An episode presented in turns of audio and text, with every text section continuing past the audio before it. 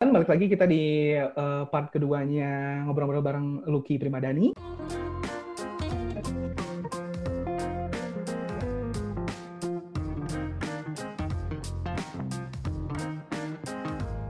Uh, nah, sekarang kita akan masuk Q&A nih ya.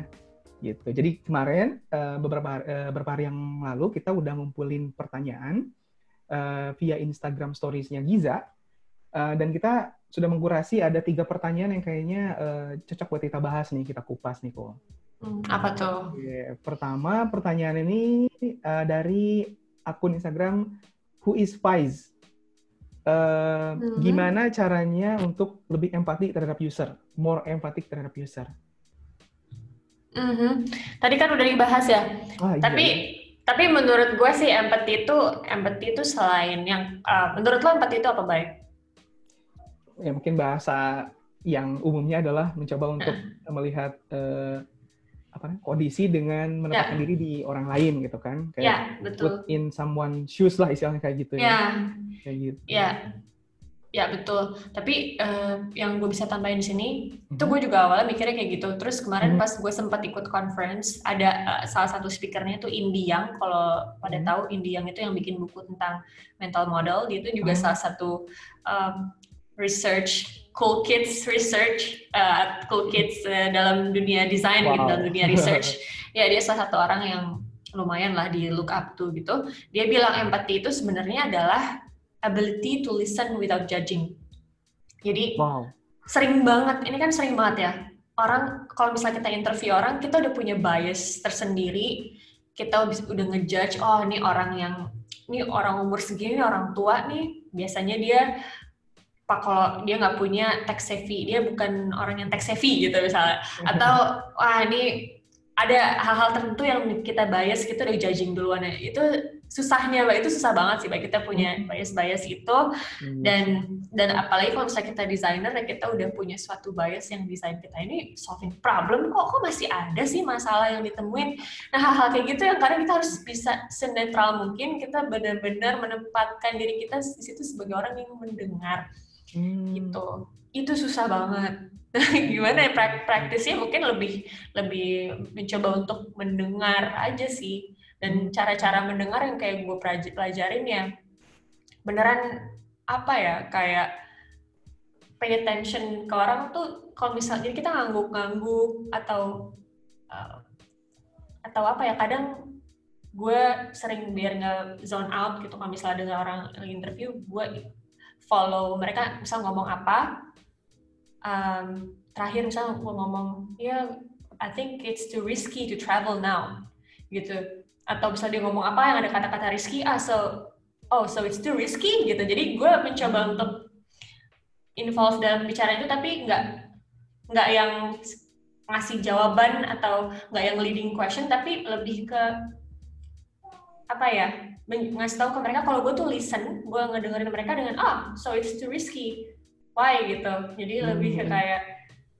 it, mungkin bisa hmm. bisa lebih di practice kayak gitu ngerti ngerti ngerti sebetulnya juga ada ada satu apa akun gitu uh, mm -hmm. itu juga yang ngejelasin bahwa katanya apa sih kayak orang itu cenderung listen mendengar untuk menjawab jadi betul, kayak dia betul. buatnya buat ngerespon kan sementara yeah. di sini iya. kita harapkan uh, lu denger emang untuk mendengar untuk belajar atau learn something dari si uh, oh. orang yang lagi kita apa lawan bicara kita gitu kan ya? Ya, gitu ya. kan. Betul. Okay, okay. Jadi itu yang dimaksud empatik itu tadi kali ya, ability to listen without ability judging. to listen without judging. Wah, ya. Keren, keren, keren, keren. Iya, iya benar-benar. Jadi tadi itu kayak nggak langsung respon ya, tapi kayak lebih ke sorry nggak langsung respon buat menjawab si ya. yang ngomongin, tapi kayak memang beneran learn apa uh, listen to learn ya gitu ya untuk ya betul. nyerap dulu gitu. Oh, I see. Yeah dan si Indi yang ini emang secara pribadi gue ngeliat dia orangnya empati banget karena dia emang lebih ya lebih diam lebih kayak orang ngomong tuh sama dia diserap dulu gitu kelihatan sih. I see I see. Iya. Keren keren keren ya. Kalau nggak salah ada juga sih sosok, sosok kayak gitu uh, yang di Google ya. Mm. gitu. Siapa tuh? juga. Uh, siapa ya Mike Michael Morgulis ya, Valar Morgulis. Michael Morgulis huh? gitu ya, dia bilang. Uh, ya itu dia juga kayaknya tipikal dengan tadi Indiong gitu. Dia. Uh, somehow kayak akhirnya si lawan bicara yang ngomong terus, tapi pada akhirnya tuh si yang lawan bicara nggak tahu, eh tadi itu siapa yang ngomong ya? Atau enggak? Aku nggak tahu Michael itu siapa, tapi kok dia tahu banyak tentang. Karena dari dari awal itu dia terus mengarahkan supaya si orang ini tuh yeah. yang lawan bicara yang ngomong gitu. Dan ini membangun kepercayaan juga by building the rapport ya. Istilahnya kalau kita lagi interview kan supaya orang tuh percaya sama kita karena kita benar-benar tertarik sama apa yang sama yang mereka omongin gitu. Dengan eye contact kita beneran. Bisa juga ada trik lain kita mimicking. Misalnya mereka begini kita ikutan begini gitu. Jadi kayak eh sorry nggak kelihatan ya kalau yeah. di sini misalnya mereka melakukan sebuah gesture tertentu kita ikutin jadi biar kita tuh beneran um, apa ya involve gitu dalam yeah, I see, conversation I see. itu. Ya kalau misalnya kayak nopang ini, dagu gitu ya. Iya, ini banyak banget kalau misalnya lihat di di Google tentang Lidi yang ini ada dia ada video tentang a practical type of empathy, terus hmm. dia listening deeply itu dia kayaknya cukup expertise di bidang itu. Jadi mungkin bisa dicek juga. I see. Oke, okay, oke, okay, oke. Okay. Nanti kita hmm. akan uh, terusin lagi ya. Mungkin teman-teman juga uh, hmm. bisa didengarkan tadi ya buku-bukunya apa aja. Hmm. Oke, okay. Ya. ini pertanyaan kedua ya. Uh, kita langsung aja. Um, di Flixbus, Flixbus saat pandemi yeah. ini, bagaimana yeah. cara melakukan research secara remote? Dari yeah. Jim Soraya. Nah ini menarik banget. Kita lagi ngelakuin research itu juga yang remote ini. Mm-hmm. Jadi ada macam-macam. Kita melakukan interview, user uh, interview pastinya kita ada pertanyaan-pertanyaan yang kita kumpulin dari stakeholders juga. Jadi sebelum interview kita ada stakeholder interview. Jadi hmm. kalau misalnya ngomongin tentang topik hygiene atau hmm. uh, safety measures pas hmm. traveling, terus marketing, communication itu kan beda-beda stakeholdersnya ya. Ah, Jadi iya, iya, kita iya. interview mereka untuk cari tahu mereka apa sih yang mereka pengen tanya ke users di masa-masa hmm. ini. Jadi hmm.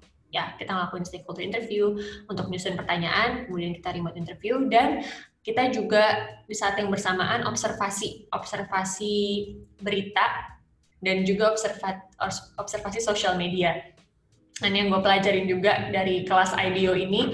Jadi kita bisa eh, melakukan research itu dari observasi dari apa yang kita lihat di sosial media dari hashtagnya misalnya. Mm-hmm. Uh, jadi gue pakai hashtag Corona uh, Travel in the Time of Corona, terus gue follow di Instagram, terus gue lihat orang-orang tuh apa aja sih yang responnya, apa aja sih uh, behavior mereka. Mm-hmm apa aja sih wishes mereka. Jadi dari situ kelihatan nih ada orang-orang yang udah kebelet banget mau traveling, ada orang banget, ada orang yang takut banget, ada orang yang kayak lebih ke hopeful feelingnya. Terus gimana sih iya. cara kita komunikasi ke orang-orang ini gitu kan itu mesti kita pikirin strateginya yang gimana.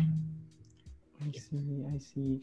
Iya, iya, iya, iya itu istilah lainnya kalau dari orang antropologi bilangnya netnografi ya kali berarti net netno ya netno ya istilahnya ah, itu okay. Et etnografi tapi dilakukan via ya tadi uh, apa mediasinya komputer sebenarnya si bahasa si uh, bakunya ah, seperti itu iya, iya, iya. tapi kemudian ya uh, kemarin-kemarin kan gitu ada diskusi kan dengan uh, hmm. eh, seorang researcher juga di Indonesia gitu kan ya, ya. mereka uh, banyak ya tadi itu misalnya dari Instagram terus bahkan dia kayak pengen tahu nih tren sekarang apa gitu ya, ya kayak misalnya dia ikutin kayak overheard Jakarta segala macam dia jadi kayak mm-hmm. buat istilah dia tuh uh, trend scanning jadi dia nge-scan aja yeah. dulu oh yeah, ini betul. gitu kan nice. bahkan dia riset dari meme memes Ih, nice dia cek dulu gitu jadi kayak apa yang mm. apa yang misalnya lagi rame di omongin ini kalau udah jadi yeah. jokes berarti ini something yang udah rame banget gitu kayak gitu akhirnya ah, dia menarik, menarik. jadi ini tuh bahan buat uh, diteruskan gitu untuk mm. ini findingsnya loh kayak gitu yeah, yeah, yeah.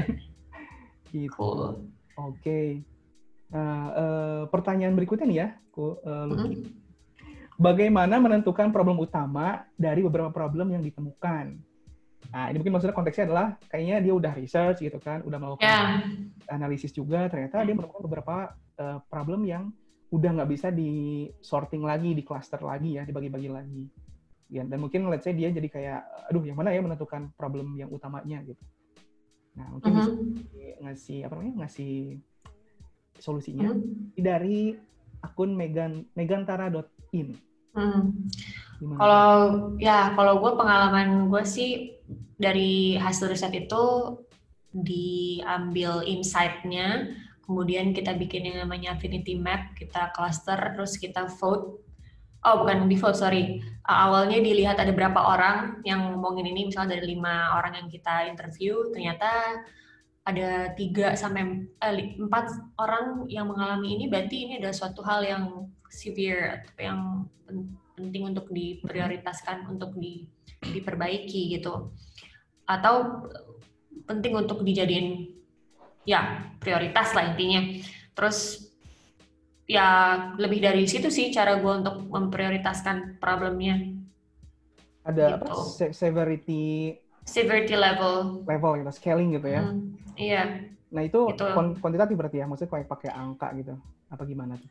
Uh, ya kayak tadi misalnya contohnya nih dari interview atau user testing nih. Contoh dari user testing ada empat orang tidak empat dari lima orang tidak bisa menemukan button tertentu atau fitur tertentu. Berarti itu menjadi prioritas utama untuk diperbaikin jadi ya itu tadi dari empat sampai empat sampai lima orang ini adalah si measurement gua untuk bisa membuat ini jadi priority. Atau sering kali kalau misalnya di in real life ya, kadang kalau misalnya product manager lihat ada problem yang sebenarnya severe, nggak uh, severe, cuman dua orang misalnya, tapi dia lihat oh ini problem ini penting banget nih buat buat KPI atau buat bisnis atau gimana, oh. itu juga adalah diskusi tim juga sih kalau misalnya itu low hanging fruits atau lebih cepat untuk diperbaikin hmm dari segi technical visibility-nya itu bisa jadi priority gitu mm-hmm. misalnya lebih cepat untuk ya di fix yeah. gitu tapi kalau in general kalau misalnya kita mau bikin bikin research sendiri sih lebih dari affinity map itu tadi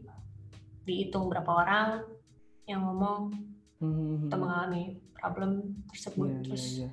kita jadiin prioritas. I see I see ya jadi uh, pertama mungkin affinity mapping gitu kan lihat yeah. Ya. uh, berapa kali dia frekuensinya muncul yeah. kan secara affinity langsung kelihatan visualnya ya heat map gitu. Yeah. Paling banyak hmm. klasternya berarti itu yang di problemi. Iya. Kalau gue gua hmm. kalau gue gua kasih dot gitu, baik. Jadi oh. misalnya ada uh, si post it kan problemnya misalnya buat fitur ini tidak bisa ditemukan oleh empat orang. Nah, gue gua, gua kasih dot satu, dua, tiga, empat gitu. Jadi kelihatan kalau misalnya dari jauh tuh mana sih si dot-dot yang berkumpul di satu cluster gitu. Hmm, I see, I see, I see. Iya. Iya, iya. Itu itu bisa di, di mana tuh? Kayak buat visualisasi ini atau ngumpulin datanya? Pakai post-it in real life sih. Kalau oh, digital, hmm. digital belum belum sempet. Nah, gue baru mau ada sesi Affinity Map yang digital baru Senin besok, oh, jadi gue bakal lihat. Mungkin lo ada ada ide kali buat bikin Affinity Map digital?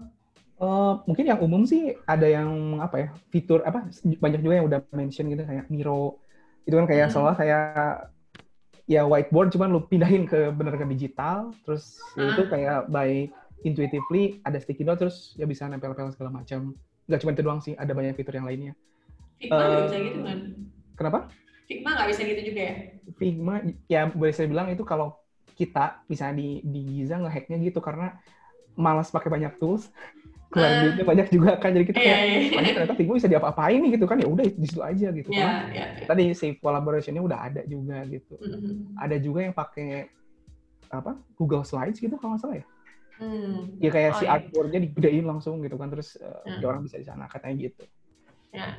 kan gue belum nyoba kalau yang Google Slides gitu mm-hmm. I see. Cuman intinya adalah ngevisualisasiin ya intinya adalah yeah, ini bantu kita untuk nge-decide uh, problemnya divisible gitu kan. Oh ada masalah hmm. ini ini.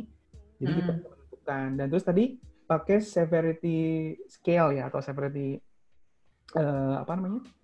Jadi ini problemnya separah apa, apa? gitu untuk diperbaiki. Hmm. Yeah. Gitu. Atau tadi satu lagi uh, seandainya ini ada juga concern dari misalnya dari sisi bisnis gitu kan. Itu bisa di, dijadiin apa? di geser prioritasnya ya Ya, atau dari bisnis atau dari technical visibility. Misalnya itu uh. gampang di fixnya dari segi teknis, uh-huh. itu bisa jadi priority juga.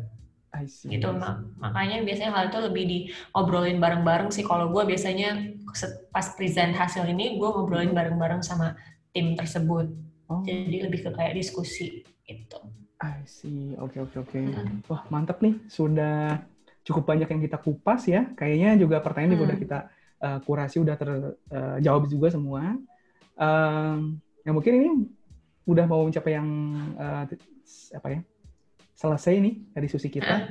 Nah dari Lucky mungkin ada yang mau disampaikan ke uh, ya. pendengar gitu, ya. silahkan. Mm -mm. Ya boleh. Jadi aku mungkin, oke, okay. gua ada beberapa pesan. Jadi mungkin pertama seperti yang tadi mengutip quotes dari Albert Einstein yang dia bilang kita perlu mm-hmm. spend waktu lebih lama di problem untuk solve the right problem, mungkin hmm. kita jangan jangan lupa untuk melakukan riset. Jadi kalau ada waktu kalau nggak ada waktu disempet sempetin, disempet sempetin gitu. ya. Jangan jangan sampai jangan sampai kita terlalu jatuh cinta dengan solusi yang udah kita buat dan kita melupakan hmm. kalau sebenarnya ini tuh nggak solving problem itu yang jadi masalah. Jadi balik lagi ke problem apa yang mau kita solve. Terus um, yang kedua sering kali gue ngelihat um, desainer gitu yang baru misalnya pemula yang mereka dapat sebuah uh, brief dari klien mm-hmm. atau dari stakeholder mereka terima-terima aja dan mm-hmm. mungkin kita bisa lebih men-challenge uh, solusi tersebut kenapa ini solusi? Karena mereka biasanya datang dengan solusi gitu. Mereka datang oh. bukan dengan problem. Itu juga salahnya kita harus mencoba mengedukasi mereka. Uh, misalnya Bayu nih gue ada solusi ini nih. Gue pengen desainnya fitur ini. Di sini buttonnya begini-begini. Terus mungkin sebagai pemula oh ya oke okay, saya akan kerjain gitu. Tapi mungkin bisa lebih di challenge lagi. Ini problemnya apa ya? Sebenarnya masalah apa yang mau di solve gitu. Kenapa hmm. solusinya begini? Gitu. Jadi lebih kita tahu background dari brief ini dari project ini apa jadi kita mungkin bisa bantu untuk mencari solusi yang lebih baik gitu Nah, yang ketiga, buat teman-teman yang baru mulai, banyak hmm. nih kan yang kayaknya starting out-nya di dribble atau fokus lebih ke output desainnya, yeah. bikin sesuatu yang keren gitu. Um, mungkin teman-teman yang udah mulai dari sini nggak apa-apa, lanjutin aja, tapi bisa diasah juga skill problem solving-nya. Nah, gue juga makanya sekarang lagi bikin-bikin webinar tentang studi kasus gimana caranya sih ngasih ngasih tahu ke teman-teman bikin studi kasus kayak yang yang baik seperti apa dan bagaimana sih ngasih lihat desain proses karena itu yang paling penting karena di saat hmm. di saat kita misalnya mau apply kerjaan jadi UX designer juga mereka pasti nyarinya orang-orang yang bukan cuma desainnya keren aja tapi bisa ngejelasin proses desainnya dan mindset hmm. mereka seperti apa gitu. I see, I see, I see. Hmm. Mantap, mantap nih. Oke, itu tiga pesan yang keren dari Lucky nih. Nah, mungkin buat yang teman-teman yang uh, di sini belum uh, belum tahu Lucky ya, mungkin baru-baru mendengar juga dari Iza gitu ya. Ini mau kontak atau mau uh, reach ke Lucky di internet ke mana ya? Di internet, baiknya sih dari Instagram aja. Mm-hmm. Dari situ bisa nge-DM. Dan ya, gue juga lagi mulai bikin YouTube ngupload video dari webinar kemarin. Jadi mm-hmm. kalau misalnya emang pada tarik buat lihat teman-teman lain yang share studi kasus mereka bisa ke YouTube juga. Mm-hmm. Ya, so far sih gue ada Twitter juga, ada LinkedIn, ada website, tapi mungkin lebih dimulai dari Instagram dulu aja. Okay. Di itu, itu ya? UX, ux.lucky. Oke, okay. ya tadi ya silakan di search aja di Instagram ux.lucky ya. Mantap. Iya. Oke, okay, thank you banget buat uh, Lucky waktunya ya. Uh, Sama-sama, Bayu. Ya, bisa satu jam kita ada diskusi gitu. Oke, okay, teman-teman, mm. uh, dengerin terus Giza Talks ya dengan nanti narasumber juga yang uh, pasti tidak kalah keren. Nah, silakan follow uh, sosial media kita juga di Instagram kita aktifnya @gizalab. Uh, dan kita juga lagi ada program uh, untuk ya berlatih uh, desain, UX design. Kita fokusnya di human centered design dan uh, dan juga ada kita bahas uh, ada juga kelas tentang interaction design. Ya silahkan cek Instagram kita ya. Oke kalau gitu thank you Lucky. Sampai ketemu lagi ya. Thank you Bayu. Sukses uh, terus. ya. dadah. Dadah